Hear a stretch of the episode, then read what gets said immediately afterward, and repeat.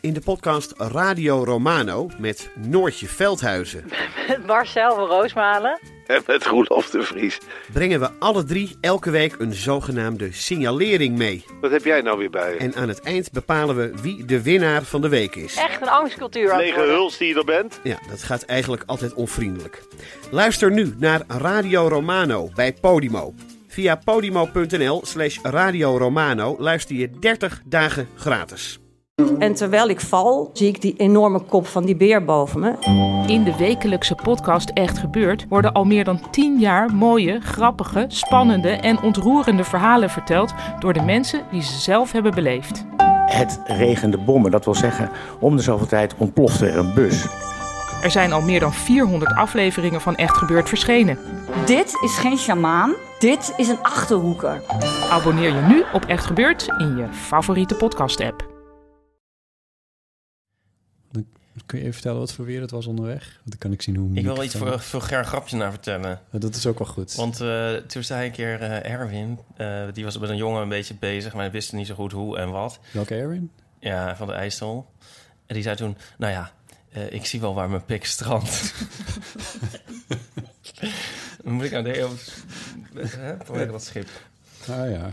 Ja. Vanwege welk schip? Nou, omdat het bot zei, ik zie wel maar waar het, of we, we Oh, zien wel waar het schip strandt. oké. En toen dacht ik, moest ik opeens denken aan dat ik die keer. Een vulgaire grap. Ja. Ja. Oké, Dit was nog niet, eh, wat was het al voor de microfoontest. dit was een pre-roll en dat is meteen een microfoontest. Ja. Ja. ja.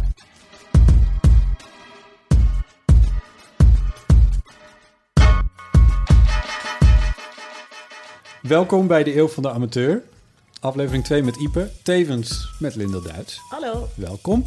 Leuk dat je er bent. Dankjewel. Ehm, er was eh, niet een hele directe aanleiding, maar ik heb het heel vaak met Ipe ook over jou gehad. Omdat Ipe heel graag een keer met jou samen wil werken. En Nou, jij heel graag een keer in een fotostrip wil. Ik, ja, ik wil heel graag in een fotostrip. Wat het? Ik kan ook gewoon zeggen, hoeven we niet eerst een uur hier met botten te gaan zitten.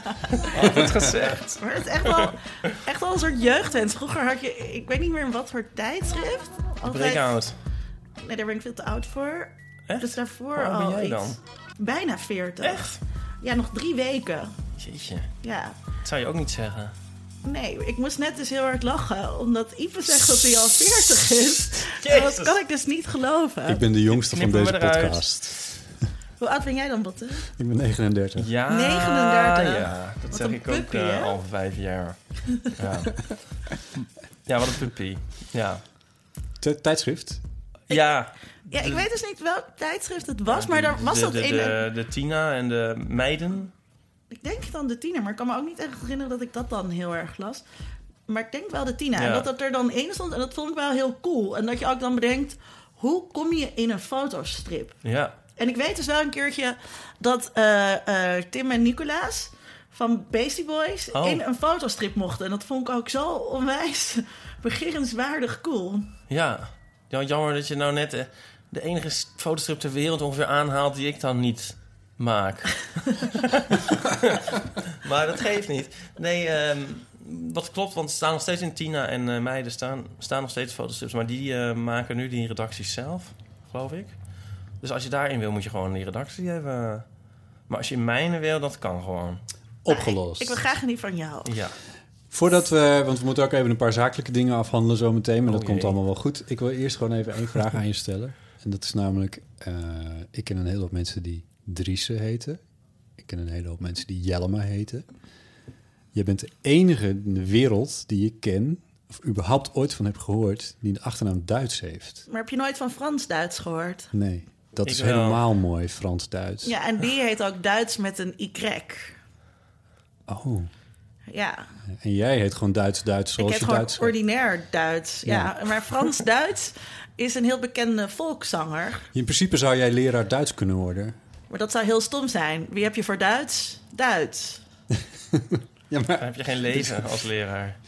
maar ehm, is, is, het een, is het wel een, een meer algemeen voorkomende achternaam? Of is dat... Het is wel meer algemeen voorkomende achternaam. En je hebt dus ook variaties erop. Ja. En ik heb me laten vertellen dat het komt van eh Diets. Nou, je hebt natuurlijk ook Dutch in het Engels. Ja, En dat dat iets als volks, zeg maar, betekent. Diets ken ik. Diets ken ik uit eh, Kruistocht in Spijkerbroek. Daar werd Dat, ja, serieus. Daar wordt, daar wordt diets ingesproken. Of, of zeg ik nou verkeerd? Ja, dat, Nee. zou, dat zou heel goed kunnen. Dus diets ook als taal. Ja. Ehm, maar dus ook dat diets dus zoiets betekent als volks. Of gewoon een soort volks... eh, Dus Frans-Duits is ook heel dubbel op. Ja, maar dat is dan een beetje raar dat je dan volks heet eigenlijk met CK of zo. ja. Maar hij is, omdat hij volkszanger is. Ja. Ja, Oh, Frans-Duits was volkszanger. ja. Ja. dus Oké. Frans, Duits, volks, volks. En komen de Duitsers uit een specifiek deel van Nederland? Bijvoorbeeld een beetje aan de oostgrens of zo? Eh, dat, dat, dat, nou ja, eh, mijn vaders familie komt uit de omgeving Woerden.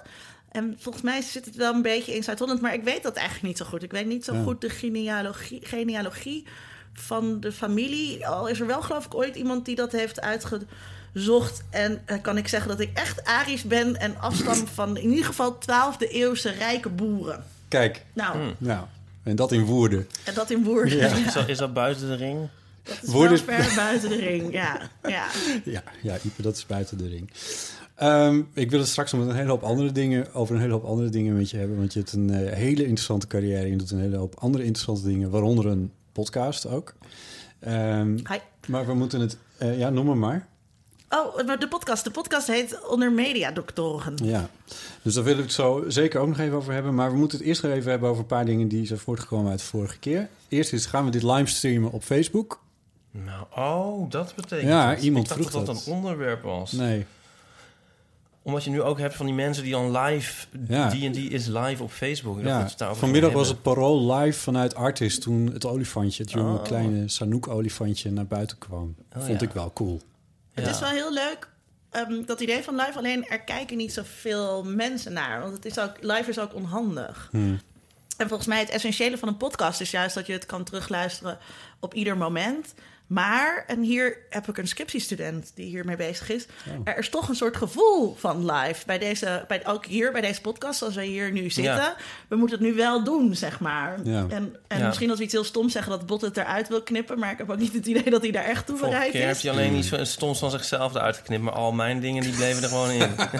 Ja, dus weet ik Dat is niet of er dan mensen nu ook echt mee willen kijken hoe we dit doen. Of misschien kun je gewoon een Snapchat maken of zo. En dat Ja. kan je ook nog een Oh, keertje ja. afspelen. Dat Oh, is ja. ook fijner. Ja. Ja, ik was een beetje sceptisch eigenlijk, want ik denk van we maken een podcast en dat moet misschien op zichzelf bestaan. Dat is misschien gewoon leuk dat het is zoals het is.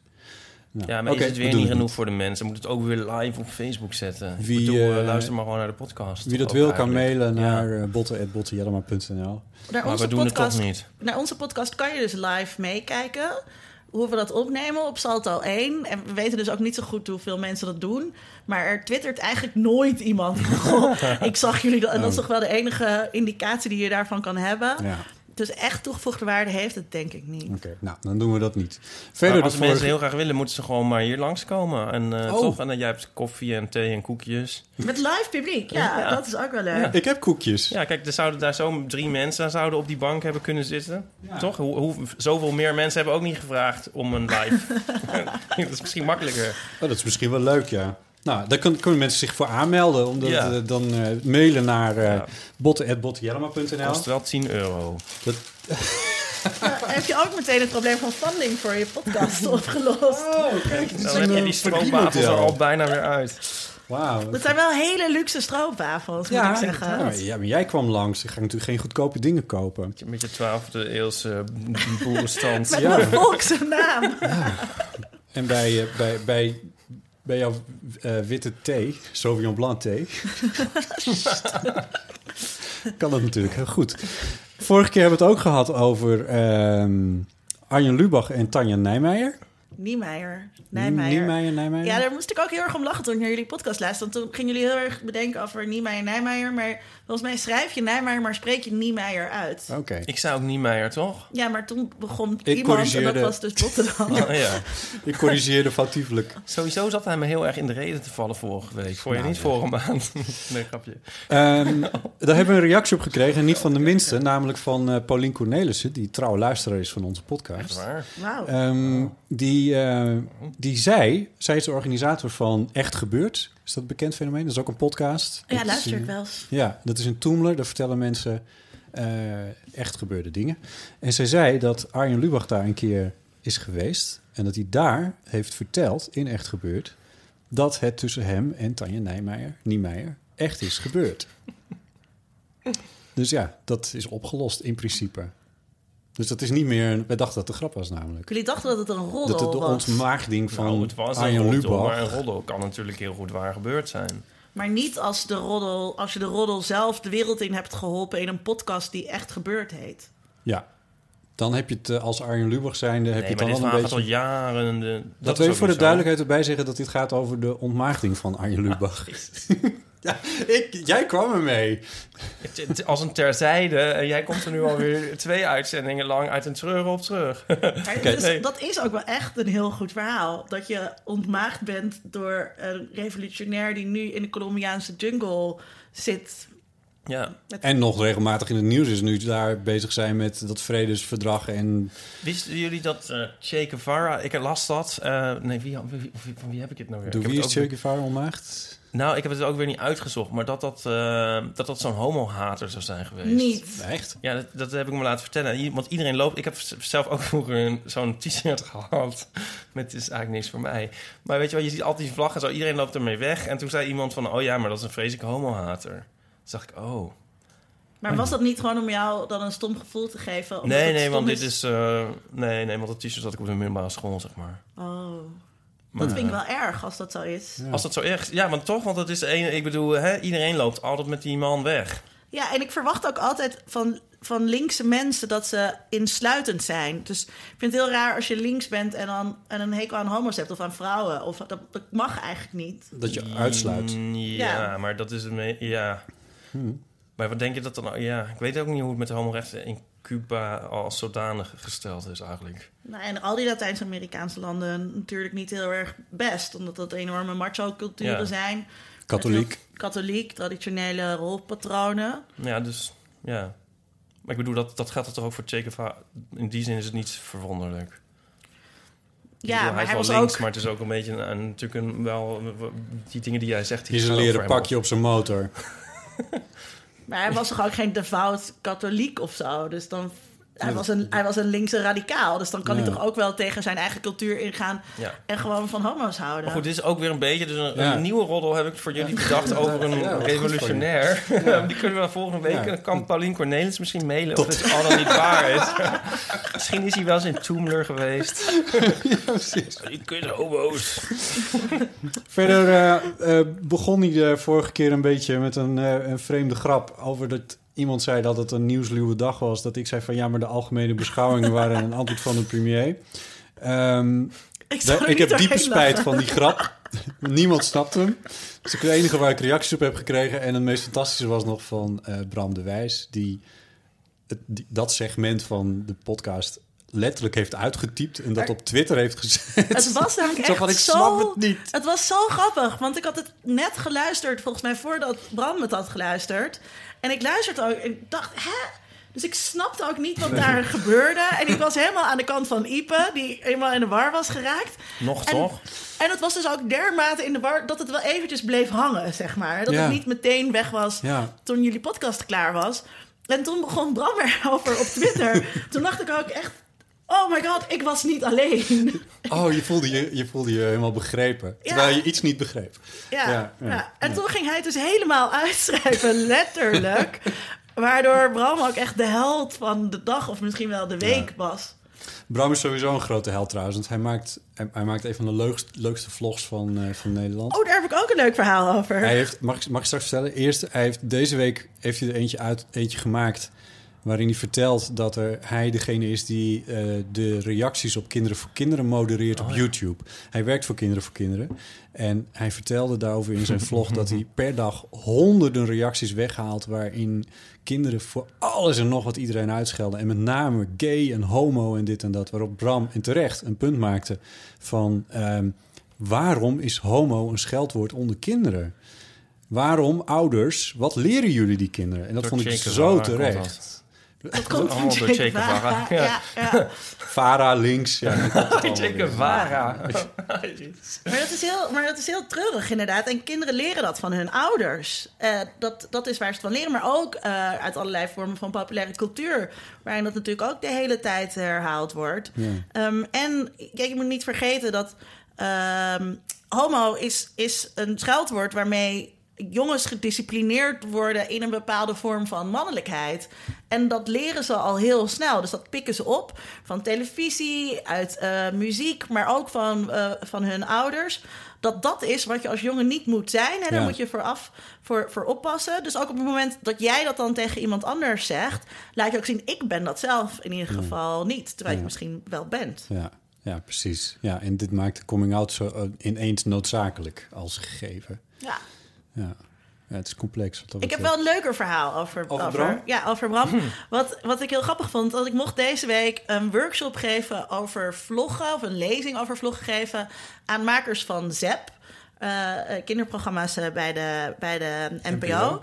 Eh, dus ik was dat aan het voorbereiden en ik was een beetje aan het kijken naar vloggers. En bij RTL zijn ze daar heel fair mee. Die hebben allerlei influentials ingehuurd. Die zitten op workcontracten. Dat is ook allemaal heel interessant. Influentials. Heette dat. Dus ik was aan het kijken van wat gebeurt er nou bij de publieke omroep en wie doet dat heel goed. Dus ik had Bram de Wijs als voorbeeld. Van die werkt aan zijn eigen sterrendom, zeg maar, aan zijn eigen naam. En, Zeker. En ondertussen vlogt hij ook voor kinderen voor kinderen, hartstikke goed. Dus ik was dat aan het vertellen, als een positief voorbeeld ook. En toen was er een mevrouw in de zaal en die zei... Ik ben verantwoordelijk voor de vlogs van Bram de Wijs. De baas van Kinderen voor Kinderen? En dat vond ik een beetje raar, want ik dacht... dat zijn gewoon zijn vlogs. Die Ja. maakt hij zelf Ja. en het is een Ja. vlog.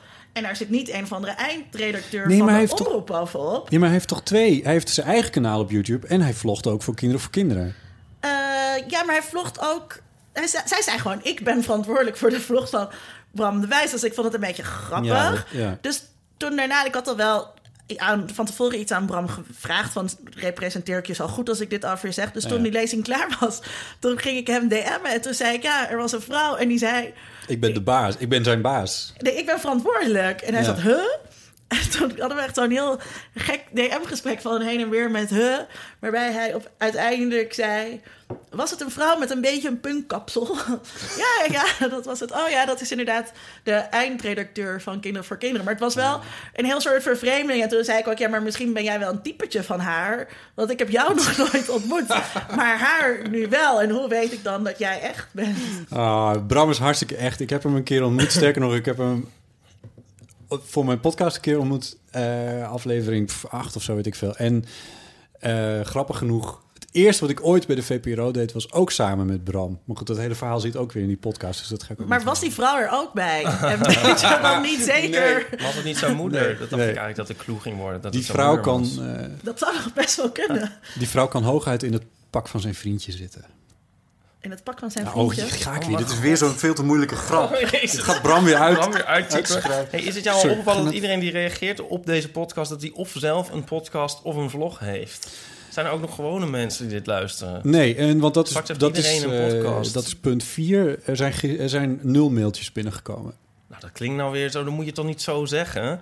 Je zegt, uit alle mailtjes... Nou ja, er zijn te veel om hier te behandelen... maar blijf schrijven. Maar mail is toch ook heel ouderwets? Dat- nee, nee, dat- nee. Nee, mail is fantastisch. Dat kan, dat kan je parkeren en, hoef je niet, en dat tinkt niet per se. Weet je, geeft geen Ja, Nee, dat maar als een ik- rood bolletje op je telefoon... Oh ja, wel Als ik trouwens, reacties maar- krijg op dingen, dan krijg ik die echt heel zelden via de mail. Die krijg je normaal via Facebook. En dan vaak ook in je Facebook Other mapje.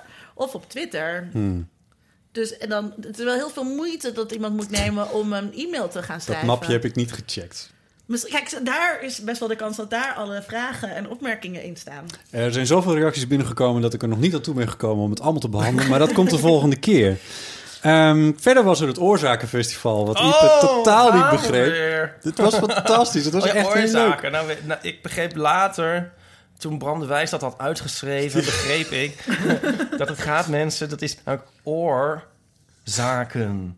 Zaken Festival. Dat het is een audiofestival. Dat heb ik echt Oh wel... ja, dat begreep ja, Nee, had ik niet door. Ik dacht de hele tijd... Ik had eigenlijk de hele tijd dacht, het is het Oorsprongfestival of zo. Het het belangrijkste- bamboe-achtig festival. het belangrijkste we daarmee te maken hadden. dat weet ik eigenlijk nog steeds niet. Nee. Want jij was daar, maar wij Het niet. was fantastisch. Echt. En als we volgend jaar weer gaan, dan moeten we zeker, moeten we zeker ook gaan. Ik had mijn, mijn houten bordje met Eeuw van de Amateur, wat ik daarin uitgekerfd heb, dat heb ik meegenomen. Dat was En- heel cool. Waar is dat bordje dan?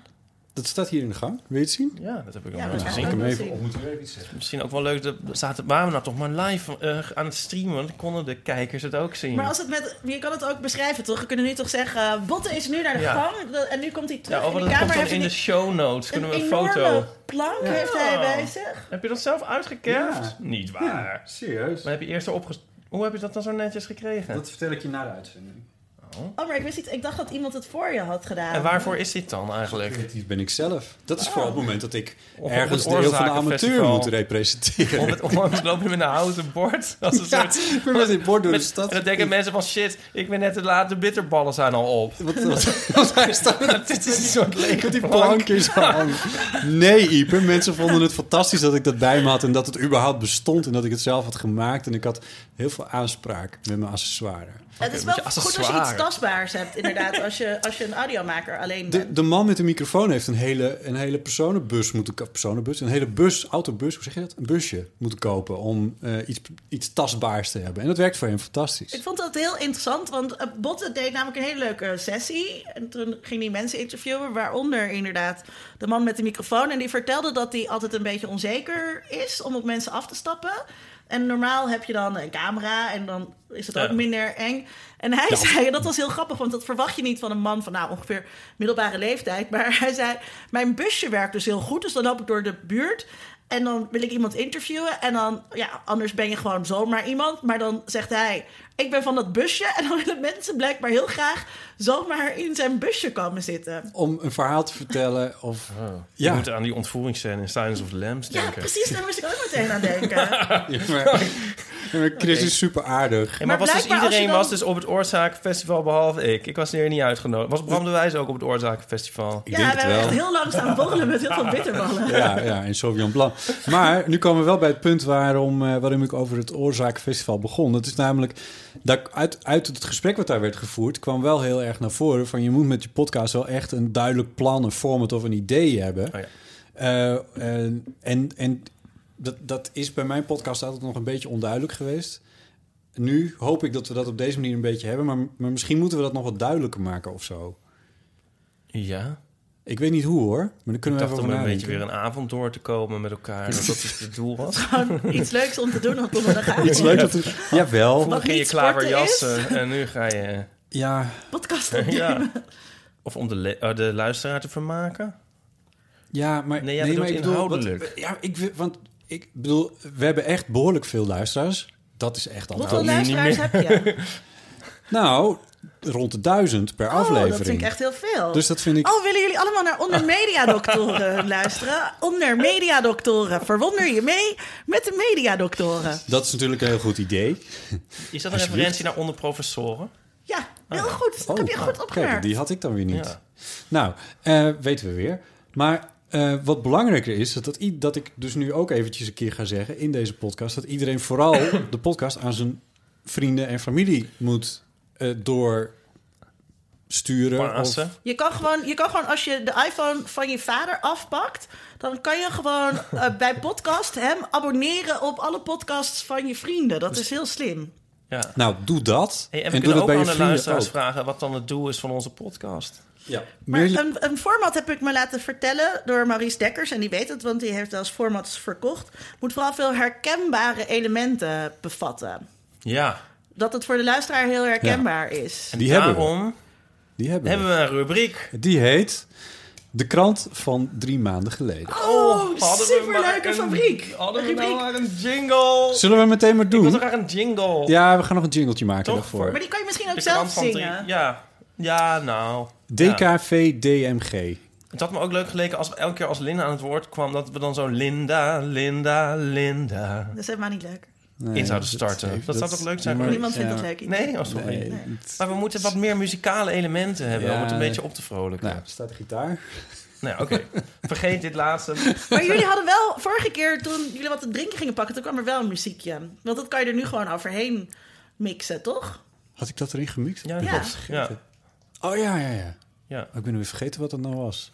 Ja, ik kan. Ik heb natuurlijk. Nou, dan komt er nu muziek. Moeten we nu onder de onderdoor? Dat is heel raar. Gaan we naar de rubriek? Ja, en waarom niet? Eh, daar is nu onduidelijkheid over. Terwijl als we een jingle hadden, dan wisten we het zeker. Mag Maar ik even... Nee, nu, nu weten we dat Ja. het nu de rubriek is begonnen. De rubriek, die, de, drie, de krant van drie maanden geleden. Waarbij er dus nog steeds een probleem is van... hoe kom ik aan de krant van drie maanden geleden? Ja, Ehm, ik ik zit heb... waarschijnlijk in de other inbox. Er zijn allemaal kranten gemaild van... eh, nou, je mag in ons Je mag archief. deze. Het zit in de Ja. other inbox. Ehm, eh, ik, ik zei vorige keer heel dapper van... eh, RTL Nieuws maakt een weekoverzicht. Wat handig is, want in een weekoverzicht heb je mooi een overzicht van nieuws van een week. Maar die zetten ze wel op YouTube, maar heel onregelmatig. Er staat er soms wel, soms niet. En dan is er ineens weer een hele zomer dat er niks is. Dus, dus dat is niet bruikbaar als bro- basisbron voor dingen. Iets anders wat ik kan doen. Ik heb toegang tot twee, digitaal toegang tot twee kranten. NRC en Volkskrant. Volkskrant heeft online wel een archief. Maar als je dat per dag gaat bekijken... krijg je alle 120 eh, berichten die ze op een dag zet, erop zetten. Nou, dat is niet te doen om dat voor 31 dagen eh, door te nemen. Ja, maar en we willen toch eigenlijk gewoon... Je kan toch de ene... Je, we kunnen, moeten toch kijken naar de dag precies drie maanden geleden? Dat is toch niet zo heel moeilijk? Je gaat naar NRC of naar de Volkskrant of je kijkt in LexisNexis. En, Ja, maar daar heb ik weer geen toegang toe. Ja, maar had je even moeten zeggen, dan had ik dat even meegenomen. Hoewel ik nu weer student ben, dus dan zou het misschien weer wel kunnen. Ja, dan heb je daar toegang toe. Want, hoe- want je hoeft niet de hele maand. Want ik zeg maar van... Anders is het eigenlijk twee maanden geleden als je zo die marge neemt. Ja. Of vier. Nee. Je wilt drie maanden Ja, maar kijk, oh, wacht. We 20. maken één podcast per maand. Dit met, die, Eh, die- met die koekjes is voor mij wel heel goedkoop trouwens. Want doordat we steeds zitten te praten, pakt niemand een koekje natuurlijk. Ik kan wel dure, dure koekjes kopen, maar... Het zijn Maar echt hele luxe koe- Dit is de podcast van oktober, dus we kijken nu naar drie maanden terug, is juli. Ja. Zo kun je het ook bekijken. Ja, ja, oké. Maar het voordeel daarvan is dat ik, want ik heb zo meteen wel iets moois, eh, dat je niet, als, je, als we nu naar precies, het is nu vandaag 20 oktober, als we precies naar 20 juli gaan, dan weet ik niet of er dan iets super interessants is gebeurd of zo. Ja, maar dat is ook Maar dat moet interessant dan als wel. het Ja, niet dat is het idee is. van de rubriek. Je kan dat, ja, Ja, maar- anders werkt je format niet. Ja, maar kijk, wacht. Of trouwens, nee, niemand weet natuurlijk dat wij dit nu precies op. Nee, dus Vind- het ja, maakt niet zoveel Je kan er uit. wel makkelijk mee vals spelen. Nou, vals spelen, maar drie maanden geleden is gewoon juli. Nee, ik vind dat wel vals spelen. Vind jij niet? Ja, nee, dat zeg ik al steeds. Ik, ik zag gewoon drie maanden geleden. En wij maken het zelf wel interessant. Al, al is het het nieuws van er is een Ik zal, je zo, ik zal jullie zo Ja. het, het, het ultieme voorbeeld geven waarom het misschien een klein beetje vals spelen is, maar toch wel gaaf als je het op deze manier doet, omdat je anders iets laat liggen wat echt goud waard is. Ehm, ehm, maar mijn punt is dus, ik kan dus wel NRC van, hè, de, de, die heeft de digitale krant zoals die er daadwerkelijk uitziet als PDF, die kan ik wel bekijken. Maar ja, dan heb je de NRC eh, en die ga ik niet helemaal doorbladeren. Dus dan krijg je pagina 1, pagina 2. En dan moet je maar hopen dat daar op staat wat dan ongeveer leeft. Maar NRC is daar niet zo goed in. Niettemin, ik zal jullie even... Daar gaat ik, onze hoofd. Nee, nee, ik ga... Ik, ja, Ja? fantastische krant. wat gebeurde er in juli 2016? Eh, een van de eerste dingen die er in de krant stond... was dat eh, eh, Abu Jaya zomergast wordt. Ja. Daar is toen heel veel om te doen geweest. Uiteindelijk heb ik die uitzending niet eens gekeken. Nee? Nee, Ik ook niet. ik was gewoon niet zo geïnteresseerd. Ik kijk altijd alle zomergasten. Ik had het gedoe gemist in juli. Wat was ik op vakantie, maar ik heb wel gekeken. En het was heel. Eh, wat gewoon heel erg opviel, was dat iedereen heel erg al in de startblokken stond om heel erg boos te worden over iets. En hij zei niks waar mensen heel erg boos over konden worden. En toen werden ze daar boos over. Ja, het was, ja. Hij had zich ingehouden of hij loog, weet je wel. Dat eh, hij Ja. liet zijn ware aard niet zien en zo. Ja. Want mensen wilden gewoon boos worden. Wat dat betreft zijn die debatten met Trump wel eh, een soort, eh, hoe zeg je dat? Ja, die- die voldoening. Die geven wel voldoening. Ja. Voldoening. Ja. Ah, Misschien moet die in zomergasten. Oké, nou ja. Toen waren er midden in juli twee verschrikkelijke gebeurtenissen. Maar ik mag van Ipe geen verschrikkelijke gebeurtenissen meer doen. Nee, ik zag ze al staan in het lijstje. Ik dacht, Ja. wel, hè, gaan we weer. De vrachtwagen in Nice die rijdt eh, op het publiek in. Dat was op 14 juli. En de Turkse koep, koepoging, koepoging, koe, Ja. was op 15 juli. Dus in successievelijke dagen. Maar goed, daar gaan we het niet over hebben. Ehm, tenminste, nou ja, die, die koepoging, dat heeft nog wel echt... want Dat is nog steeds aan de hand allemaal, volgens mij. Dat die mensen in Turkije worden vervolgd en zo. En, Nou, en ook hier, dus dat, wat Ja. deze week in het nieuws was, was dat er eh, een Nederlandse columnist is, eh, Jan, Jan-Jaap de Ruiter, meen ik, ehm, eh, eh, Arabist, en die schrijft voor ja. Zaman, eh uit een Ja, ja, ja. krantje. En, en die mocht daar niet meer voor schrijven, want Ja. die had iets lelijks gezegd eh, over iemand, ik weet niet precies aan welke kant, eh, maar toen waren er wel allerlei bedreigingen gekomen en zo. Die Rotterdamse Gulenschool, die van naam veranderde vorige week. En die was er ook nog. Ja, Ja. Dus dat eet er nog wel eventjes. Dat, dat, dat is nog lang niet klaar volgens mij. Ehm, Nou ja, dat, dat- oh nee, maar daar mogen we het niet over hebben. Dat andere natuurlijk ook niet. van Nice. Ja. Maar dit is... Ja, daar mag je het wel over hebben. Wat Nee, ik erover hoef het niet over te hebben, maar... Hmm. eh, Nee, maar ook... Ja. Eh, Utrecht had een primeur met genderneutrale wc's. Hoe bedoel je, Utrecht had een... Het stadhuis. Maar, Stadhuis ja, van maar Utrecht. dat was het eerste stadhuis dan, of Het zo? eerste stadhuis in Utrecht Er met waren gender. natuurlijk al heel Luister veel andere plekken waar al... Volgens NRC. Lees die krant. Maar, maar dat, dat vond ik ook... Dus op een gegeven moment was er heel gedoe... omdat bij de Amsterdam University College... wat een samenwerkingsverband is tussen de UvA en de VU... kwamen er genderneutrale wc's... en toen ging iedereen daar heel boos over schrijven... op geen stijl en zo. Terwijl iedereen die aan de UvA rondloopt... en wel eens in de oude manhuispoort is geweest... weet dat je op allerlei plekken in de UvA genderneutrale wc's hebt... omdat er gewoon is één gang, dus is maar één wc. Maar ja, dat heet dan niet zo... Dus dan wordt ook niemand er boos om of zo. Dan schrijft geen stijl geen stukje. dus, en dus ik kan me ook niet voorstellen dat er nergens in Nederland een stadhuis was... waar niet wc's zijn, waar zowel mannen als vrouwen als iedereen... die zich niet direct met het een of het ander identificeert naartoe gaan. NRC heeft dit tot op de bodem uitgezocht. En het blijkt toch echt wel het geval. Hij is een fact-check van de Volkskrant. Ik zag dat jij ook een genderneutrale wc hier had. eh, Ik heb hier thuis ook een genderneutrale wc. Heb je ja. ook een bordje? Ik heb thuis een bordje. ook. Nee, wat echt? Ja, ik heb een bordje op mijn wc dat die genderneutraal is. En dan hoop ik eigenlijk dat er iemand komt die daar boos over wordt. Ik heb dat echt ook. heel hard om moest lachen. Ik Een zag het laatste van stuk COC. van jou. Ja. Zo'n, eh, die, zo'n, zo'n, hoe heet dat nou? Dus zo'n plaatje en als je er anders voor staat, dan ziet het er anders uit, weet je wel. En Ja, dan wordt dan een mannetje en een vrouwtje en zo. Ja, heb jij die thuis? Ja. Heb je die ergens van gestolen? Nee, die heb ik van het COC gekregen. Oh, wat goed. Ja. Gekregen gewoon.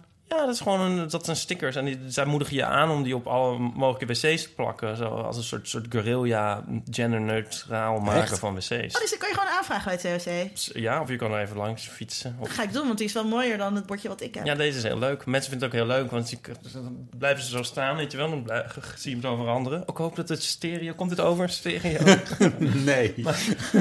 Weet je wel? Je, nou ja. Ik heb ook een cd-hoesje van de Pet Shop Boys, die heeft het ook. En dan, dan zie je zo Neil en dan hou je hem zo schuin en wordt het Chris. En dan, weet je wel? Super fluïde. Ja. Maar er is een naam voor lenticulair, geloof ik. Lenticulair. Ja. Moet ik het googlen of eh, houden we het zo? Nee, we zien zetten het wel in de show notes. Zet het in de show notes. Ja. Maar goed, het was de eerste st- stadhuis of niet. Maar in ieder geval, ze, maakten er, ze probeerden daar heel erg de sier mee te maken. Utrecht met die wc's in hun stadhuis. Dat herinner jij je? Nee, dat... dat, Dat- eh, dat nou je ja, dat herinner ik me wel een beetje, ja. Ja. Ja. ja. Tenminste, mijn zusje was er kwaad. Nou, dat doet er niet toe. Die, jouw Utrechtse zus. Ja. Die was er kwaad over? Nee, die was niet kwaad over. Nou, die ergerde zich er geloof ik aan. Hoe ze de sier mee maakte. Dat, oh ja. Maar dat is even off, off the record. Moet ik dan... dan Hoezo? ja, volgens mij moest zij daar een... eh wat is het maar? Ik, ik zit te denken, ze schrijft wel eens persberichten of zo. Ik weet niet. Oh, spannend. Dat ze man. dacht, het is toch... Nou, ik weet niet meer precies. Het mag vast niet in de podcast. Nee, mag niet in de podcast. Ik moest laatst heel hard lachen toen eh, ik een stukje van jou las... waarin je zei, ik ben een cisgender vrouw. Toen dacht ik, oh mijn god, wat is dat nou weer? Maar eh, mensen worden daar dan ook heel boos over. Ik heb, ik heb wel eens al best wel een tijd geleden voor de Post Online een stuk geschreven. Wanneer, wanneer wist jij voor het eerst ja, dat, dat was ik de bent? tweede waar ik door geschokt was... wat jij voor de post online hebt geschreven. maar dat wist je toch al lang? nee, dat gaat ook verdrongen, denk ik. Echt? Ja, Oh, ja. echt een verschuwelijke site. Maar ga Eh, verder. Ja, maar dus ik had daar dus al een keer eerder een stuk voor geschreven. Wanneer wist jij voor het eerst dat je cis bent? Eh, net als dat mensen vaak vragen... wanneer wist je voor het eerst dat je hetero bent? Nou, dat vragen mensen natuurlijk nooit. Maar het zou fijner zijn als mensen dat wat vaker aan mensen zouden vragen... En cis is het tegenovergestelde van trans, van transgender. En eh, cisgender betekent dus dat jij eh, je identificeert met het geslacht dat je bij geboorte toegewezen is. Ehm, dus dat, dat zijn de meeste mensen. En eh, ik, eh, wat, het was heel leuk, want ik mocht een praatje houden ehm, bij een avond van het AIDS-fonds over PrEP. Eh, een eh, eh, pil die zowel geschikt is als medicijn voor het bestrijden van HIV, als een pil die geschikt is voor het voorkomen van HIV. Dus die kan je ook preventief slikken. En ja, ja, ik, ging daar, ik, mocht, ik was daar uitgenodigd. En ik vind altijd een beetje raar. Ik schrijf wel veel over gender- en seksualiteitskwesties. Ik schrijf ook veel over homoseksualiteit. Maar ik ben zelf geen homo. En dus ik vond het ook een beetje gek misschien wel dat ik was uitgenodigd om daar te staan. En dacht ik, ja, dan sta ik daar als dacht, nou, dat ga ik dan heel erg benadrukken. En ook dat ik cis ben, want dat maakt in dit geval eh, ook wel eh, uit. En eh, dat, dat, was, dat was wel een goed idee. In, in de zin dat, dat iedereen in de zaal er hard om moest lachen. Heb je dus meteen dat- uitgelegd wat het, wat het is? Of heb je dat even in het midden gelaten? Nee, omdat ik denk dat iedereen in de zaal dat wel wist. Het ver- Ah. Ik verbaas me ook dat jij dat niet weet. Nou, nu wel, maar ik wist dat niet, nee. Nee, wist jij dat, Ipe? Ja, maar het komt misschien ook omdat ik eh, voor COC dus eh, werk soms. En het gaat er dan ook veel over en zo. En, eh, ik heb me er ook een beetje in verdiept. Maar ik denk wel dat heel veel mensen... Het verbaast mij, mij niet dat Bot het niet weet. Oké. Sorry. En ik vind het dus heel interessant, want mensen worden heel vaak heel boos eh, daarover. En dan zeggen ze, hè, moet dat nu ook weer benoemd worden? En dat zijn dan precies dezelfde mensen die heel graag eh, moslims willen benoemen of zo. En mensen worden heel boos als de norm benoemd wordt. Dus mensen vinden, het ook, vinden ook het woord wit vaak vervelend. Dan zeggen ze, ja, maar je hebt dat liever blank. Omdat wit heel duidelijk gaat over, ook over wie de norm eh, is. En dat vinden ze vervelend om op die manier aangesproken te worden. Ehm, ja, dat vind ik altijd, altijd, altijd wel een beetje raar. Want ja, je, je weet toch ook wel een beetje dat je op voorsprong staat. En dan is, maar mensen vinden het misschien vervelend om te horen dat ze... Want uiteindelijk speel je het spel makkelijker. Dat vind ik altijd een mooie uitleg van het concept van privilege. Eh, het, je hebt zeg maar games en die kan je op verschillende standen spelen. Op super makkelijk, maar ook, weet je wel, je kan ook op super ingewikkeld en dan de hoogste stand spelen. En mensen eh, die eh, eh, zwart en, of homo of invalide eh, eh, of trans zijn, zeg maar, die spelen ook het spel dat het leven heet, maar dan op, een gewoon, op het moeilijkste standje, zeg maar. En mensen die op het makkelijkste standje spelen, die willen dat misschien ook niet te horen krijgen van, weet je, jij speelt het leven, het spel dat het leven is, maar wel op de simpelste stand. En misschien is dat het, ik weet niet, maar ik weet niet waarom, waarom mensen altijd zo boos worden om als norm benoemd te worden. Dus als je ook tegen mensen... maar ervaar, Omdat want, het want saai is natuurlijk om als norm. Je zou maar de norm zijn. Lijkt me vreselijk. Toch? Die arme mensen, zo saai. maar je, nou, dat is niet de reden. Dat is niet, denk ik, waarom ze zo boos worden. Omdat ze het idee hebben dat ze. ehm, eh, maar ik, ik- Nou, ik, ik- in het verband hiermee las ik dat de Amerikaanse eh, kiezers, zeg maar, die vallen onder wat je noemt eh, white, white male privileged. Weet je wel, dat die voelen zich niet. Die vinden dat woord weer. Die, die vinden dat woord verkeerd, want die voelen zich niet geprivilegeerd. Want die vinden helemaal dat het allemaal niet zo goed gaat met ze. En het idee dat je. Dus dat.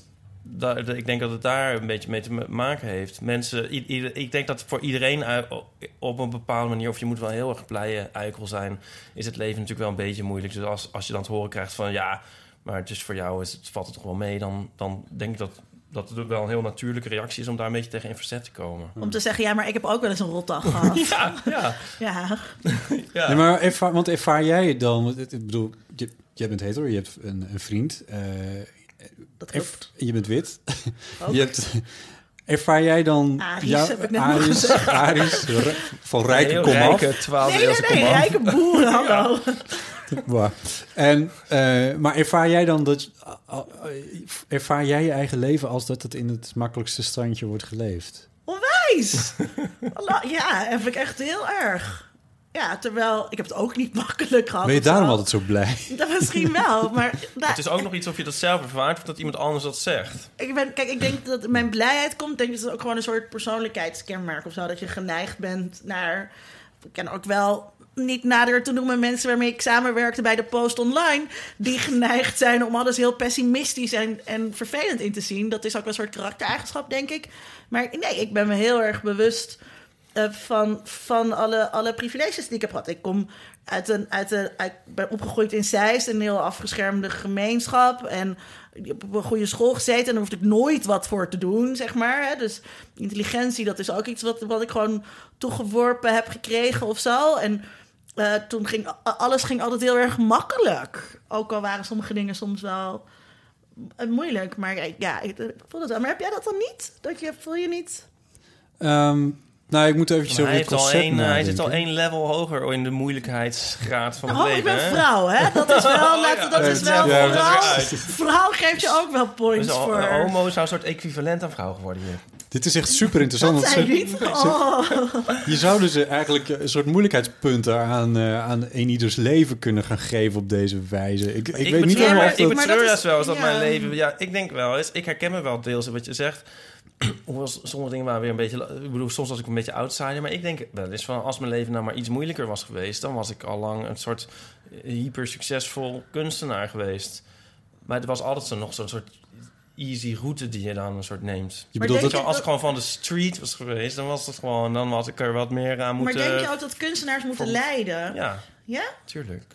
Dat je, dan, dat je dan een betere kunstenaar bent als je... Nou, ik denk dat in bepaalde opzichten soms het wel handig is om een klein beetje een, een achterstand ergens in te hebben. Ik ben wel blij dat ik, ehm, ik ben wel blij dat ik een beetje outsider was, want dat, dat daardoor ga je, daardoor. Maar als je dan moet kiezen, zeg maar, tussen of succesvol kunstenaar maar je hele leven lang pijn... of super succesvol fotostripmaker en je hele leven lang best wel gelukkig... Ja, maar ja, ja, ben ik mijn hele leven best wel gelukkig. Maar jij bent wel heel gelukkig. Dat weet je helemaal niet. nou, dat zeg je net zelf. Oké, dat is waar. maar dit, ik weet niet. Ja, maar gelukkigheid is toch helemaal, geluk is toch helemaal niet een, iets, ook iets dat je moet nastreven. Want dan, dat Oh. is toch, ik vind, vind geluk ook een beetje saai. Dat zei ik net wat ik net ook al zei. Dus geluk is toch super saai. Maar het is wel fijn. Maar er komt Ja. niks uit, ja. En, Nee. en ik denk dat je heel veel mensen hebt die... als je jouw leven bes- beschrijft, zeg maar, jouw achtergrond... dan zijn er denk ik heel veel mensen die zo'n soort achtergrond hebben... die heel erg de- depressief zijn. Die eh, een soort... Ik wil je niks aanpraten. Nee, maar weet je wel, je kan, je kan precies dat hebben... en je soort heel erg leeg voelen en depressed en down. En, en als je dan zegt van... eh, jou, jij doet je leven in een makkelijke stand... dan, denken die, dan zou zo iemand ook... dan kan ik me voorstellen dat je dat niet leuk vindt. Nee, maar er is, er is natuurlijk nog veel meer dan alleen maar die identiteitskenmerken die je wel of niet eh, hebt. Eh, en, en dat is wel, als ik even een begrip erin mag fietsen. Eh, waarom intersectionaliteit zo belangrijk is. En intersectionaliteit kijkt naar ehm, de kruising zeg maar, van identiteitsassen. Dus je bent niet alleen man, maar je bent ook homo, maar je bent ook wit. En het leven is misschien voor mannen die homo en zwart zijn moeilijker dan eh, voor jou. Hoeft niet per se, want zij zijn misschien hoger opgeleid of eh, hebben geen ehm, eh, disability. En, en jij bent misschien, jij bent misschien eh, dep- depressief. Hè? Dus, dat, dus ook zo'n handicap of een ziekte die je kan hebben, maakt daarin ook wel weer uit. En intersectionaliteit gaat erover dat je kijkt naar hoe die zaken elkaar kruisen. Ehm, en dat je daardoor op verschillende posities uitkomt. En het belangrijkste daarbij is ook dat je kijkt naar de ervaringen die mensen hebben en de levensgeschiedenissen eh, die mensen hebben. Ik kijk nu heel. Nee, ja. Als, eh, ik ga nu ook college geven. Misschien niet zo, eh, misschien niet zo leuk voor de podcast. Ik het neem gewoon een glaasje wijn. Dat is misschien beter. Nee, maar ga door. Nee, maar ik, eh, ik begrijp niet zo goed waar het heen gaat. Nou, dat je. Oh, ja, wat. ehm, Dan schenkt ze mij in. ja, dat is, maar dat is omdat ik netjes opgevoed ben. Oh ja. Het altijd wat sneller. Nee, dit bedankt. Ja, ook wel. Oké, wat, wat was je vraag ook weer?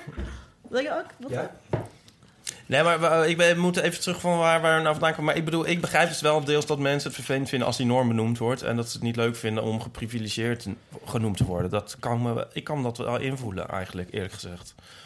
Maar ik weet ook niet... precies- Ja, maar waarom wordt dat nu ook zo gedaan? Maar waarom kan je, wat, wat is dan de reden waarom ze dat dan vervelend zouden vinden? Want het is veel vervelender om niet de norm te zijn. Ja, dat... Ja. Daar had ik net een antwoord op. Ik ben het inmiddels vergeten. Sorry. Ja. Mailen dat weet kan dus naar botten.bottenjellema.nl. Ja, maar waarom is het zo... Waarom is het... Ja, maar Ik waarom denk- is het zo denk- leuk om de norm te zijn? Waarom, dat, dat, Omdat dat je geen. ik dan weer niet. Ik, denk dat het vervelend wordt gevonden omdat je, dat, dan ben je misschien niet interessant of Ja. heb je geen denk verhaal. ik dus Maar ik denk meer dat mensen niet verantwoordelijk willen zijn voor, voor Nou, dat- dingen. ja. Dus, Maar dus op mensen het zijn moment toch ook dat niet je verantwoordelijk zegt... als ze de norm zijn? Maar ik denk dat ze dat gevoel krijgen. Dus op het moment dat jij zegt... eh, eh, hè, ik, ik benoem jou als hetero... en homo's hebben last van homofobie en hetero's niet... dat die hetero's dan denken... oh, maar shit, ben ik dan schuldig aan homofobie? Ja. Ik kan me wel het iets bij voorstellen. Ik kan me en dat als ik zeg, jij bent wit... En mensen die zwart zijn hebben last van racisme. Noem je mij nou een racist? Ja. Terwijl... Ja, de Zwarte Pieten discussie. Oh, nee, nee, ja. ja. Oh, daar heb ik ook wel iets aardigs Ja, over. Nee, maar dat is, dat is toch dit? Ja, maar het is misschien ook meer, want ik, ik, mijn studenten moesten vandaag Maar we een tekst kwamen net lezen. ergens. Ja. Maar ik wil het wel stellen. Mijn studenten moesten vandaag tekst lezen over eh, de Zweedse televisie. En er was een programma en het heet The Christmas Calendar, maar dan in het Zweeds. En ehm, eh, eh, dat wordt elk jaar gemaakt. En daar zit ook een verhaal in dat er altijd iets misgaat met de cadeautjes. En nou ja, het is gewoon het Sinterklaasjournaal. Want dat is natuurlijk helemaal geen uniek Nederlands Nee. eh, format. Nee. Maar dan dus over kerst. En eh, deze tekst ging over dat dus makers hadden dat gemaakt. En toen kwamen er allemaal hele boze brieven van allerlei mensen dat er te weinig kerstbomen en te weinig sneeuw in, de, af, in deze versie van dat jaar van de Christmas calendar had gezeten. En dat er dus hè, dat ze dus hun tradities kapot probeerden te maken. En dat gaf voor mij echt een hele andere blik op de Zwarte Pieten discussie. Dat het niet alleen maar om racisme gaat, maar dat je ook gewoon een soort traditiefundies hebt, die gewoon ook boos zouden worden als, als, ehm, de, Als de schimmel niet meer nummer te zijn. 13 heet. Of zo. Het pakjesboot 13 of zo. Dat als je dat zou veranderen, dat ze ook handen af van onze traditie of zo. En niet, dus waren allemaal eh, eh, vooral oudere mensen, waren natuurlijk nooit kinderen die dat erg vonden, maar dus allemaal mensen die hele boze brieven hebben geschreven naar de Zweedse televisie. En zelfs ook eh, bedreigingen aan, het aan de kant van de makers. Oh, wauw. Dus Ja. alles erop en eraan. De hele... Alles, ja, niet zo erg als doodsbedreigingen, nee, maar nee, wel dat hebben we hier dan weer. Ja, ik vond dat heel verbazingwekkend. Ik wil niet weer als een aardsconservatief klinken, maar ik heb zelf ook moeite met het, met het eh, rommelen aan tradities. Vind, Pakjesboot nummer 15, als ik dat zeg, dan... nee, maar dan, die, ken- dan weet ik niet zoveel van. Maar ik bedoel, ik vind het ook irritant als George Lucas eh, Star Wars opnieuw monteert. Gaan we weer over Star Wars hebben. Ja, nee, maar weet je wel, ik bedoel, ik, of als een, eh, of mijn, mijn basisschool die eh, had een soort slechte naam gekregen. En toen in plaats van die naam op te vijzelen, hebben ze toen de naam veranderd. Ja. Ja, nou, dat, dat, dat strijkt mij enorm tegen de haren in. Ik heb liever dat dan dat soort dingen. Ik vind traditie best wel iets mooi. Eh, Dan weet je wel, dan, dan snijd je dus de, het, verleden een soort af. Gisteren kwam Ja. ik erachter dat de Wordfeud layout veranderd was. Vond ik ook heel erg. Ja, dat is Ja. ook heel erg. Ja. Of als een krant een nieuwe opmaken heeft of zo. Ja, nee, maar, maar goed, daar heb je gradaties in. En, eh, dus ik, vind, ik snap die, ook die reflex wel weer van mensen... dat ze daar vast willen houden. Ik wil ook graag kerstbomen blijven zien in het Zweedse Dit is wel een mooi, eh, mooi bruggetje naar het volgende... Naar de ontgroening. naar het volgende onderwerp. Het is namelijk de ontgroening. Sta Waren ik- we al klaar met de rubriek? de rubriek, dit, nee, dit was, dit was allemaal nog naar aanleiding van eh, het, Dit is toch eh, geen de herkenbaar Utrecht- format voor de luisteraars? Het stadhuis van Utrecht dat de primeur had met de genderneutrale wc's. Overigens ook nog wat drie maanden geleden in de krant stond... was dat op 16 juli eh, Pokémon Go werd gelanceerd in Nederland. Oh, wauw. En ik herinner me nog dat, dat, dat, toen, dat, dat je toen dacht van... oké, dit gaat alle spellen opnieuw definiëren... en alle social media opnieuw definiëren. Ik, ik las iemand die een winkelketen, voor een winkelketen werkte... en die bezig was om op dag twee om te zorgen... dat er een soort Pokéstops of hoe het heet in, in zijn winkels waren... en dat soort dingen. En dat is allemaal uitgekomen. En nu hoor je er niemand meer over. Het is nog maar drie maanden geleden. Dat is wel niet mooi aan deze niemand meer over... oh, ik bedoel, eh, de gemeente... eh, Kijk, Duin. Kijkduin heeft nog... Dat was dan nog een week geleden of zo. Heeft nog, moest, moet nog procederen Volgens mij twee, tegen- twee, drie weken geleden, ja. Ja, dat is wel Ik heb waar. niet het idee dat er nou helemaal over is, die Pokémon. Ik Ja, maar je je ziet mensen de- die wel gaan... eh het die is nog niet- steeds, niet ja, meer omdat dat je- het kouder wordt. Ja, maar echt, ken je echt nog mensen die ook, zeg maar, aan het begin van deze maand, toen het nog super warm was, nog Pokémon speelden?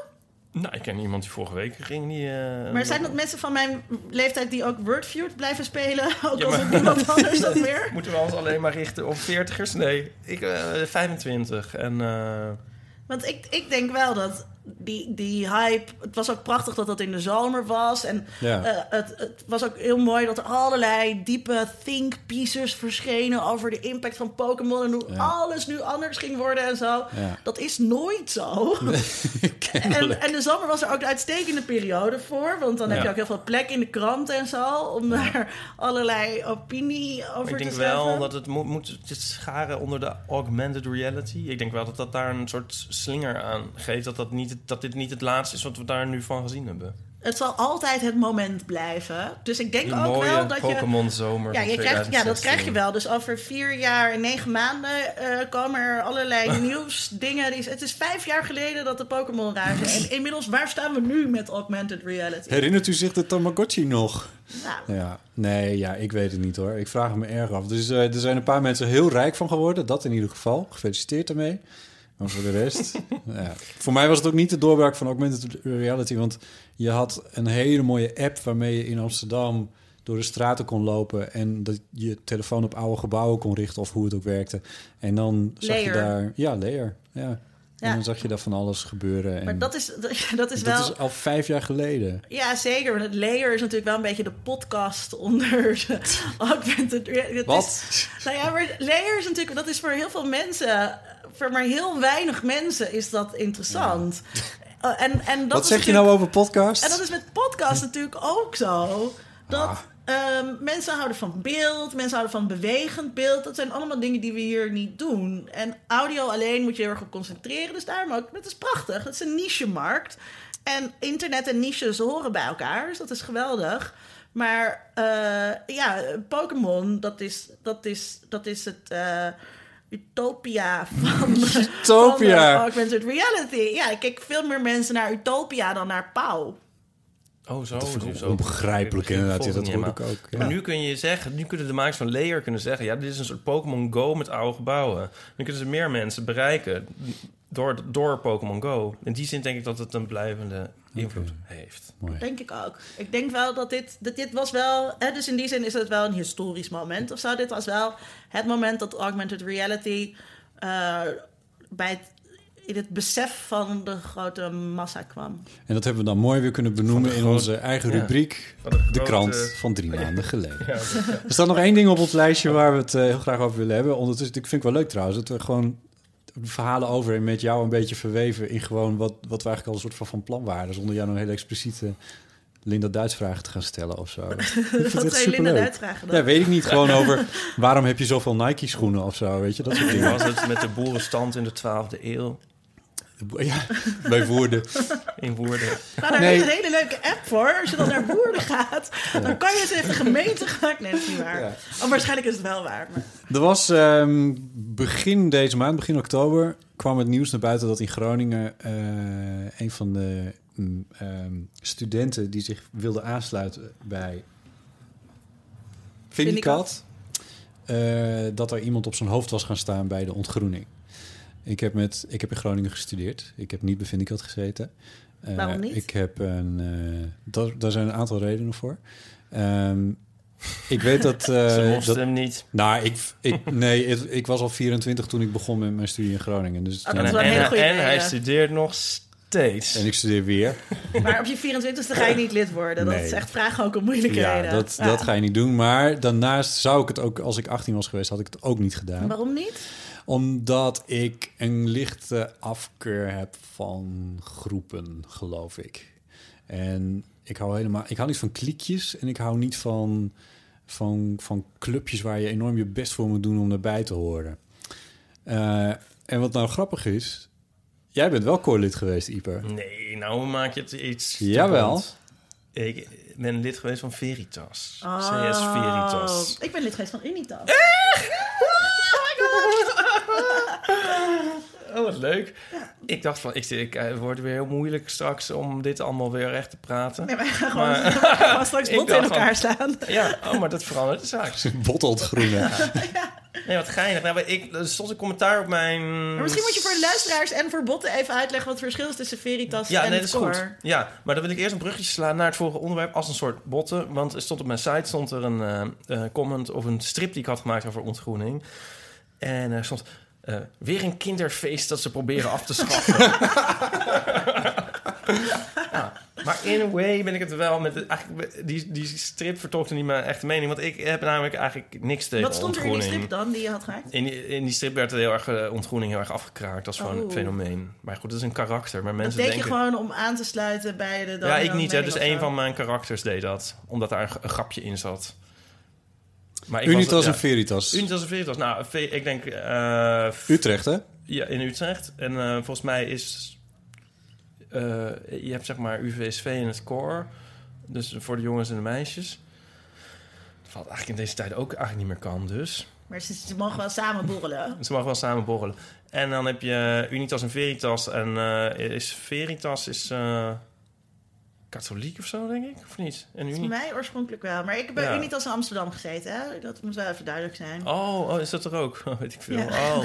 ja, want in Utrecht is het in ieder geval... Unitas is dan net weer iets corporaler dan Veritas. Ja. Maar ze zijn allebei weer wat minder corporaal dan, en ben dan je het? En dan heb je daaronder heb je nog... Je hebt nog de christelijke studentenvereniging... die nog steeds actief christelijk zijn. En die doen niet echt ontgroening... maar wel een soort... eh, nou ja, kennismaking. En eh, dan heb je nog Beaton, de alternatieve...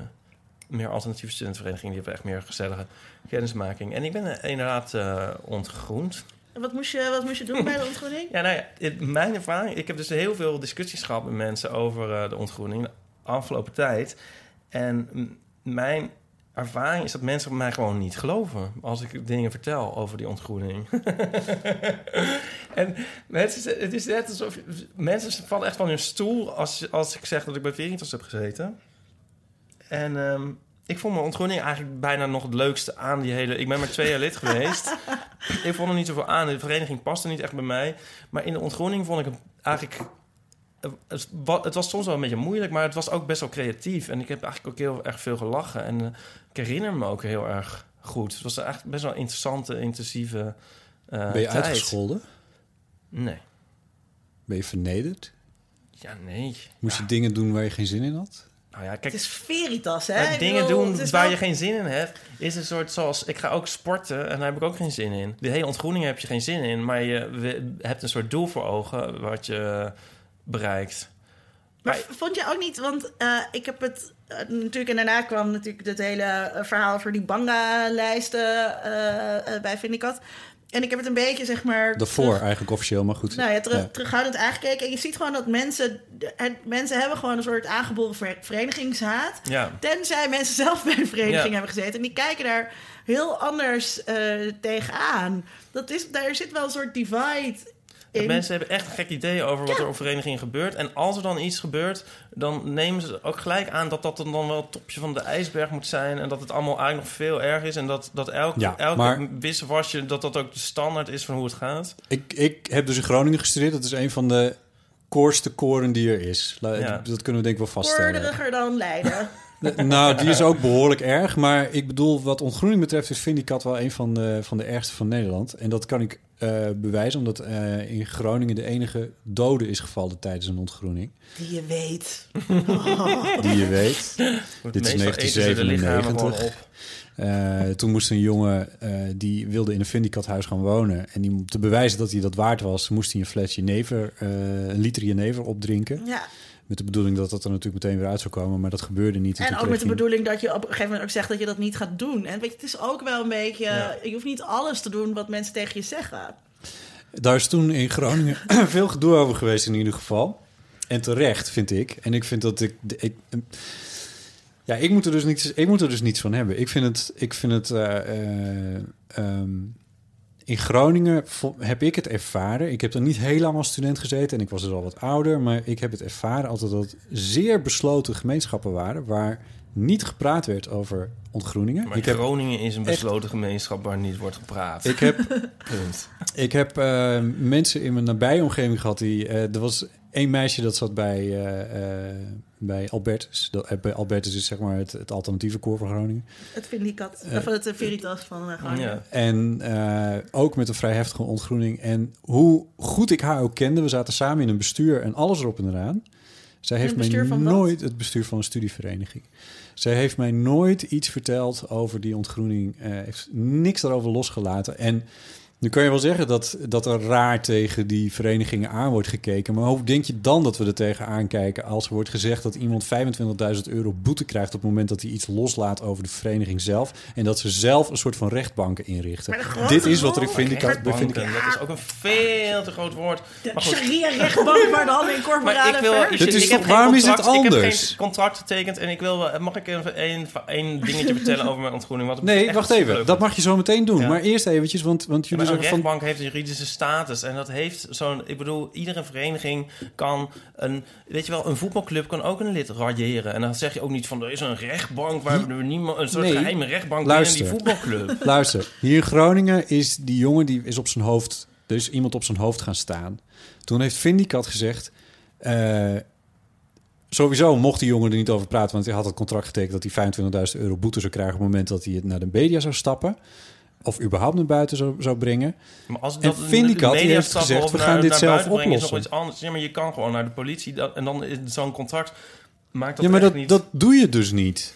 Als beginnend Nee, Vindicator. maar ik denk wel van... katter. Dus wat Linda ook zegt, je bent er wel zelf bij.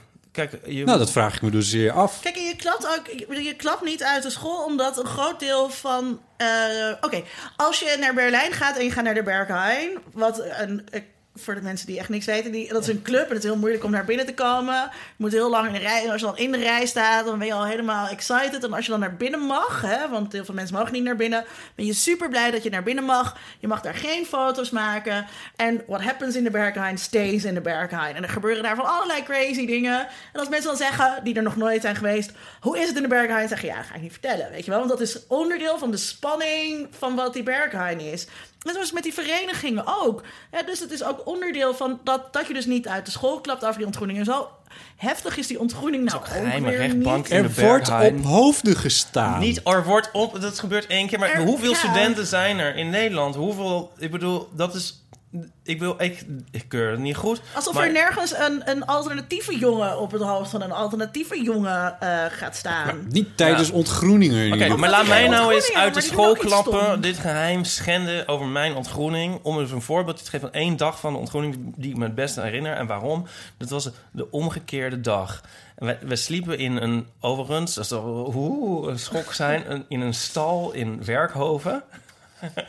Op zelf Stal meegebrachte- gaat nog, maar werkhoven. op zelf meegebrachte eh, eh, bedjes. En, ehm, Waar je er helemaal naartoe moest fietsen helemaal naartoe moet fietsen Ja. in de regen. We, we werden wakker. ehm, en het was om, dan word je wel, is het niet zo van opstaan en zo. En dat je nog even blijft liggen, dat dat dan wordt goedgekeurd. maar goed, maar er is ook echt niks aan de hand. Ze zeggen, ze wordt ook niet. Nou, anyway, het was omgekeerde dag. We begonnen, iedereen moest zijn tanden poetsen. En eh, toen kregen we een toetje te eten. En toen kregen we een van een warme maaltijd, heel uitgebreid. En toen soep. En ik weet niet wat we toen hebben gedaan. En toen was er gewoon lunch op de lunchtijd. En de hele dag eindigde met het ontbijt. Is dat niet grappig? dat vond ik dus heel erg Dat vind ik als idee heel leuk, maar als praktisch zou ik echt denken, ja... Ja, Maar dat is, ik gewoon- bedoel- dat is ja, maar wat het is. Dat Luister. is wat het is. Maar, nee, maar Botten, dat weet je wel, en de dag is verder gevuld met het leren van verenigingsliederen. Heel veel zingen moesten Heel veel zingen, wat gewoon leuk is. met het ook. leren van, van mores van de vereniging. Dus dan vandaar dat ik ook zo op traditie ben. Weet je wel, wat gewoon in een goede sfeer gaat. En het leren kennen van elkaar. Je hebt allemaal, allemaal weet je wel, gewoon kringetjes. En van, hé, ik heet zo, zo, dit zijn mijn hobby's, ik veel. En ehm, we gingen onkruid wieden voor de, eh, in, in Werkhoven. En dan kreeg ik dan Veritas geld voor. Een soort doen. En slavenarbeid. vlaggen steken. En Ja. op dispuutsontgroening moest ik eh, eh, geld inzamelen voor de zonnebloem. En Ja. moest ik bij de Amsterdamse Ja. straatvegers moest ik werken. Dat was, dat was mijn dispuutsontgroening. Dat is toch niet... Dat heb, daar heb ik echt heel veel van geleerd. Maar daar heb, ik, daar heb ik het toch ook niet over. Ik heb het over iets heel anders. Maar Nee, maar, nee, maar, nee, maar, nee, maar, dit staat wel bekend als een soort zware ontgroening van een heel erge vereniging. En het is in feite is het best wel een. Het is, ik, nou, ik vond het dus gewoon best wel leuk. Ik Mooi. kan gewoon echt niet anders zeggen. Dan, kijk, luister. Ik ben dus student, weer eventjes deels. Maar eh, ik volg We gaan echt zo strak. colleges. ik volg colleges Maar ik psychologie. het- oh ja, ja. Laat me even wat Nee, vertellen. ja. Ik volg colleges psychologie en hier is het ook aan de orde gekomen. Ja. Van waarom eh, ga je door ontgroeningen? En wat betekent dat nou eigenlijk helemaal? Hoe werkt het in je hoofd, et cetera? Wat, wat bewerkstelligt zo'n eh studentenkoor daar nou eigenlijk mee? Wat, wat, hoe, hoe werkt dat? En ik zal het niet het hele verhaal vertellen, omdat ik ook voor de helft weer vergeten ben. Maar het, het belangrijkste was van... op het moment dat jij door heel veel ellende moet om ergens te komen... dan moet het ook wel leuk zijn daar. Dat is het verhaal van de Berghain. het Je is- staat in de regen te ja, wachten deels, urenlang. Ja. deels. Want het, het is dus ook een soort van self-fulfilling prophecy. Op het moment, Ja, maar dat is het ook moet zo. ook wel leuk zijn binnen zo'n vereniging. Het kan niet meer anders dan dat het daar leuk is. En niet omdat het daar gewoon uit zichzelf leuk is, maar omdat je door zoveel ellende heen Ja, maar moet de- zijn weet je wat dan om er nog te een komen. woord is dat hierin mist? Is samen. Want je doet dat met elkaar, met je jaar. En dat verseert een soort band. Nee, dat woord mist helemaal niet. Dat, dat kan daar prima onderdeel van Ja, nee, maar dat bedoel ik. Maar ik bedoel, de dat kern is het is idee ervan. Maar dat, dat werkt het ook overal zo. leuk kan zijn zonder dat je eerst door een hel heen moet gaan om. om Maar, dat is- hel maar dat is, is een echt- maar stop, dat is maar dat anders. hel, dat woord, dat, dat, dat is Mensen de hele gaan tijd, op dat hoofden staan. Mensen gaan niet op... Er ging Er één werd op een hoofd op gestaan. één hoofd staan. Dat is toch heel erg? Zorgvuldig formuleren. Dat moeten ze je ook leren bij psychologie. Het is toch heel erg dat er op hoofden wordt Is, gestaan. dat is ook heel erg. Maar eh, ehm, ik geloof niet dat het zo exemplarisch is. Nee, dat bedoel ik. En dat, dat is wat je ervan maakt. En eh, ehm, ik vond het eigenlijk... Ik ben na een jaar weggegaan, want ik vond het er niet leuk. En ik, ik paste daar Oh, waarom? niet. Omdat eh, eh, dat helemaal niet mijn mensen waren. En wat, wat mijn grootste bezwaar van een vereniging is... is dat je met mensen in een clubje terechtkomt... en die moeten dan je vrienden zijn... en dan moet je dan gaan eten. De jaarclubjes. Eh, je jaarclubje. En die had ik eigenlijk helemaal niet uitgekozen. En er is een heel sterke eh, ehm, eh, verdeling op gender. Dus best wel klassiek. En ik zat wel bij... conformistisch. bij zat weer bij alle sissen. bij Unitas heb je wel gemengde disputen. Maar eh, ondertussen is het toch nog steeds ook binnen zo'n dispuut best wel gescheiden. Ik wil gewoon bier drinken met de jongens. En ik had helemaal geen zin om met al die meisjes dan gaan eten en thee te drinken en zo. Mhm. Dus ik was daar gewoon niet zo op mijn plek. En toen mocht ik ook gewoon gaan. En dat was ook helemaal niet erg. Ehm, eh, maar dat betekent nog steeds niet dat ik, die, dat ik het vervelend vind dat ik die door gro- ontgroening heb doorstaan of zo. En zo heb ik die ontgroening ook helemaal niet ervaren. Nee. Ik vond hem dus juist heel nuttig. En ik studeerde politicologie, dus ik kreeg van alle kanten te horen dat ik fascistisch was. En weet je wel, dus je kent al die kritieken heel ja, erg dat goed. is heel grappig. Dat En is dat- heel grappig. Het wapentje ook tegen heel veel andere dingen. Eigenlijk het enige waar het je niet tegen wapent... is dat je voortdurend dat je ontgroening moet rechtvaardigen. Ja. Ja, maar ik denk ook e- eigenlijk dat... Ik zie best wel veel studenten waarvan ik denk van... jij zou wel eens eigenlijk gebaat eh, kunnen zijn bij een ontgroening. Op een bepaalde manier is, le- het leert je een bepaald soort zelfrelativering. En je komt... Je, het is eigenlijk een soort maatschappelijke ontgroening zou ik wel voor zijn. Als een soort een- maatschappelijke dienstplicht. Jongens, mag ik een jullie nog één...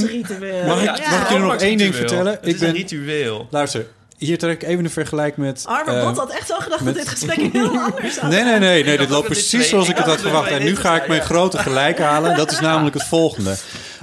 Dat- Want dat is, dat is interessant. gelijk. Dit is, dit is, ja. Nee, want zometeen zet ik de koorden gewoon uit. Maar ehm, nee, het volgende. Ik ben bijvoorbeeld eh, vrij streng religieus opgevoed. Ik, kom- ik heb een gereformeerde eh, achtergrond. En daar ben ik ergens rond de 20 helemaal van afgevallen. eh, 17 of zo, weet ik veel. Toen heb ik nog een hele tijd geroepen van... ja, ik geloof niet meer... Maar ik ben eigenlijk wel heel blij met wat het geloof mij heeft gebracht. Want dat geeft me wel een soort basis en een soort moreel wat goed is en al die dingen meer.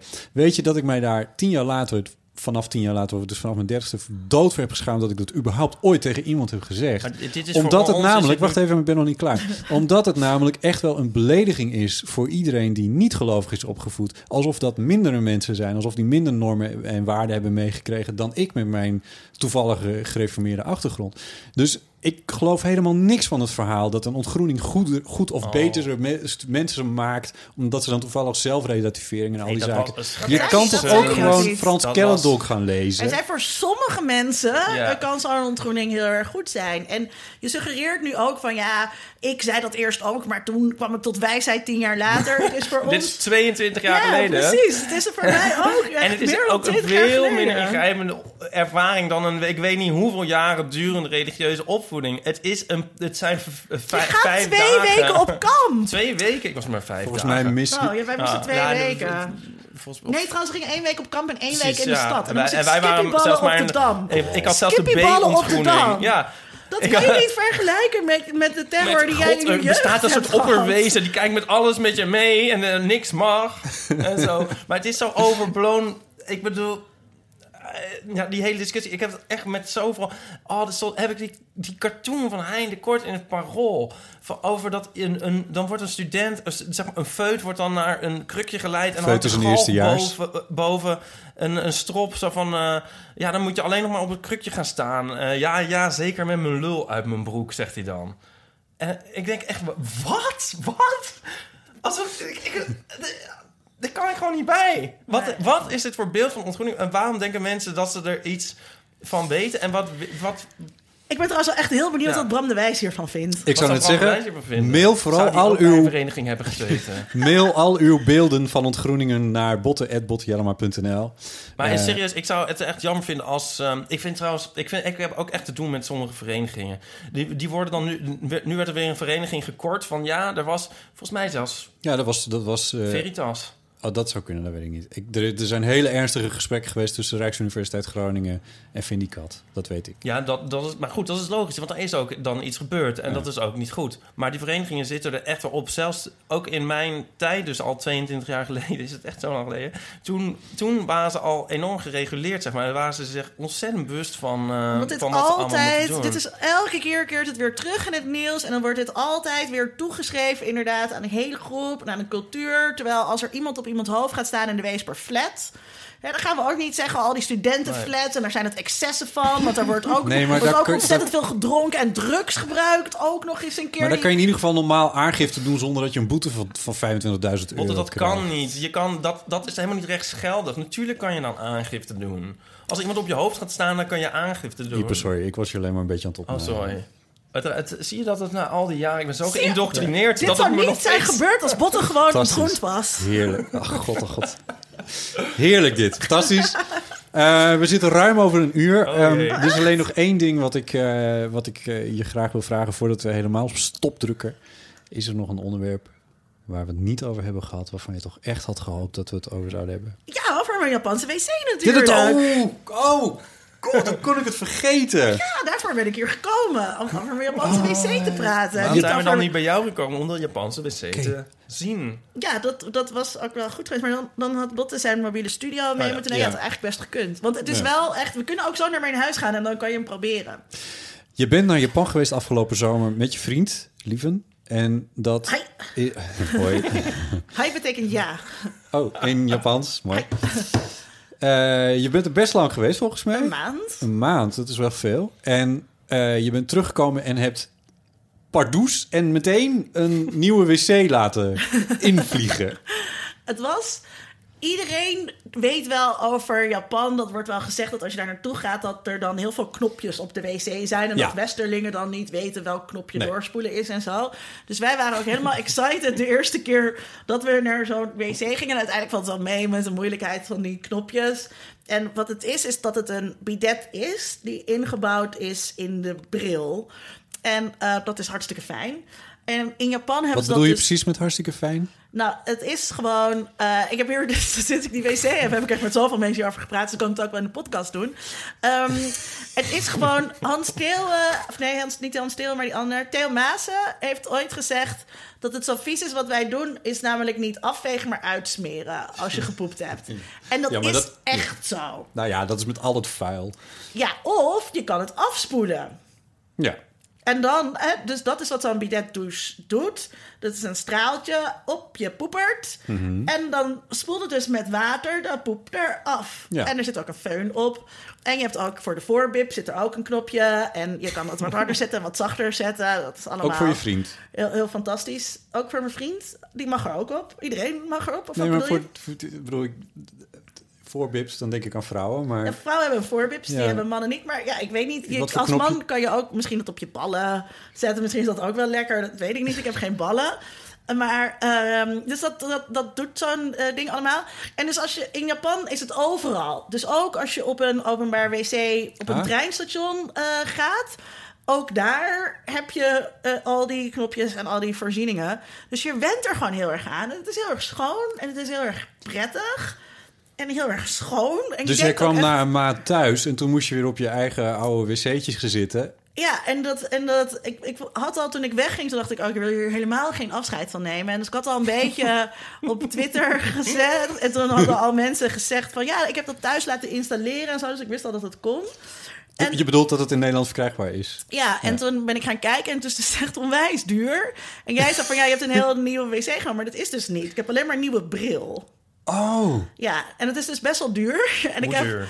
ik heb nog korting gekregen en zo. Maar eh, eh, dus uiteindelijk was ik... meer dan 1000 euro? Nee, minder. Maar uiteindelijk was ik met korting eh, en met installatie iets meer dan 700 euro kwijt. Voor een wc-bril, oké. Voor een wc-bril. Maar dan heb je dus wel een super gaaf control panel... wat aan de zijkant hangt. Dus ook een afstandsbediening. Die, dus je kan hem er ook uitnemen. Maar je kan dus zeg maar een soort van... als je op de wc staat, kan je een soort menu selecteren... van nou, nu eerst wil ik dit en nu wil ik dat. Eh, en eh, ja... Het is De, de echt- eeuw van de amateur geeft drie van dit soort brillen weg aan eh, de eerste luisteraar die reageert. Als Bram de Wijs dit hoort, Bram, je bent En welkom bij mij thuis ook proberen. Paulien ook. Maar het is dus echt een kwestie van meemaken is willen. Dat als je dat dus hebt meegemaakt en is maar één keer jouw diarree. Maar als je het één keer, dan denk je nog, nou... Maar iedereen vindt dat. Of zijn er ook mensen die komen van, oh nee. Nee, echt iedereen die terugkomt uit Japan wil zo'n ding. Niet iedereen wil sushi eten. Nee, echt iedereen wil zo'n bril. Oké. Ik kan het, zal ik het naar een literair niveau tillen? Want ik weet uit van Rudy Kousbroek eh, dat hij eh, werd- gerepatrieerd eh, na de oorlog. En die was ook in Indië gewend eh, om zijn bi- bibs... Nee, wat zei hij nou? Zijn poepert. ik weet niet welk woord hij gebruikt. Ehm, Heel literair dit. Wijlen, wijlen Rudy Kousbroek? Is hij dood? Ja. Ja, eh, om dat met water te spoelen. Misschien niet uit een high-tech bril. En die was ook helemaal zo appalled dat dat eh, in, eh, in, Eigenlijk in is het- Nederland is... Eigenlijk is het alleen maar in zeg maar, Europa en het Westen. In heel veel andere culturen doen ze het met water. Dus Ja. inderdaad, heel veel Indische mensen in Nederland logisch, hebben ja. een fles water op de Ja. wc staan. Ja. Nou, die willen dit helemaal. Ja. Want het is gewoon echt... Wij, wij Europeanen zijn op dat vlak echt barbaren. Ik moet het aan mijn vader geven, die is ook in Indië geboren. Nou, die zal het zeker hebben geen, fijn eh, vinden. We hadden nooit een fles water op de wc staan, maar die... Maar hij kan wel een keertje langskomen om het te proberen. Het lijkt me onwijs ingewikkeld met een fles water. Ja, ja maar in. Indië, maar ik ben zijn ook in Indonesië geweest. En daar staan ook nog altijd, eh, staat dan een, eh, van die hou- houten tonnen met een, eh, met een schep erin. Ja, maar het is zoveel schoner. En je spaart dus heel veel wc-papier uit. Oh ja, Dus ik koop nu bijna nooit meer wc-papier. nee. En dit is wat je hebt geleerd van Japan. Nou, ik heb ook nog wel andere dingen geleerd. Maar dit, dit was wel een van de belangrijkste punten. Ik heb één laatste vraag daarover. Linda Duits, ambassadeur van de Japanse wc. Waarom ben jij... Hoe, hoe, ik bewonder echt in je hoe vrij jij over die dingen praat en twittert. Je hebt echt behoorlijk wat volgers op Twitter. En je zet gewoon foto's van die wc. En je doet alles... Waar haal je dat vandaan? Dat je, die- dat je je zo vrij voelt om daar zo open over te twitteren. Ik zou niet zo snel een foto van mijn wc twitteren of zo.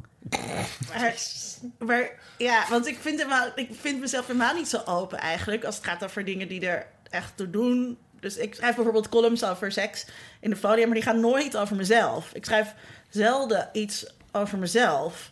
En het is heel makkelijk... en dan ga ik iets heel persoonlijks vertellen.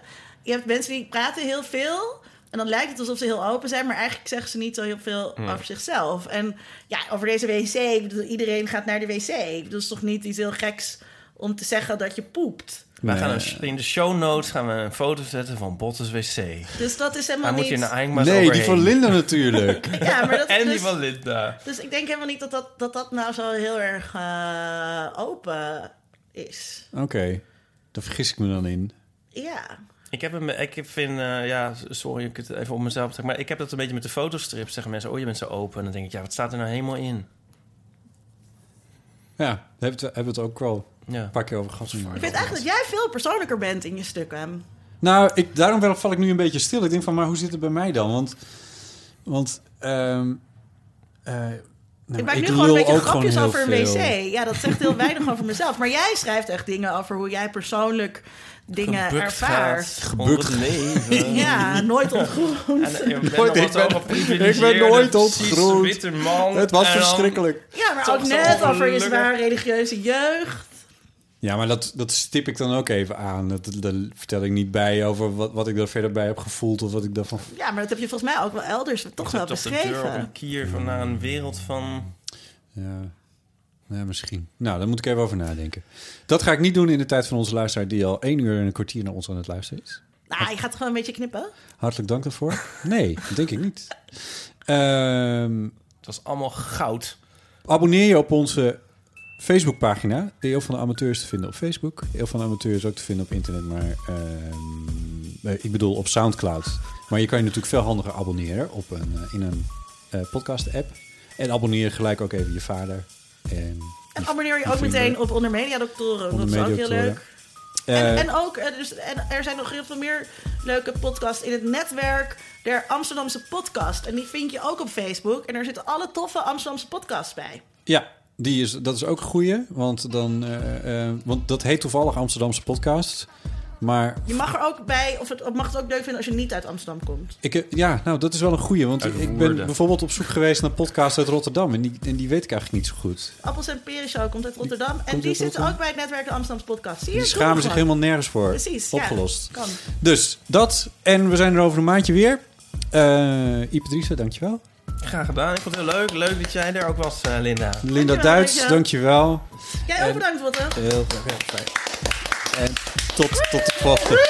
Is ons betalende publiek. Ja, Mogen we nou eindelijk een stroopwafel? dat mag nu eindelijk. Groetjes aan Bram.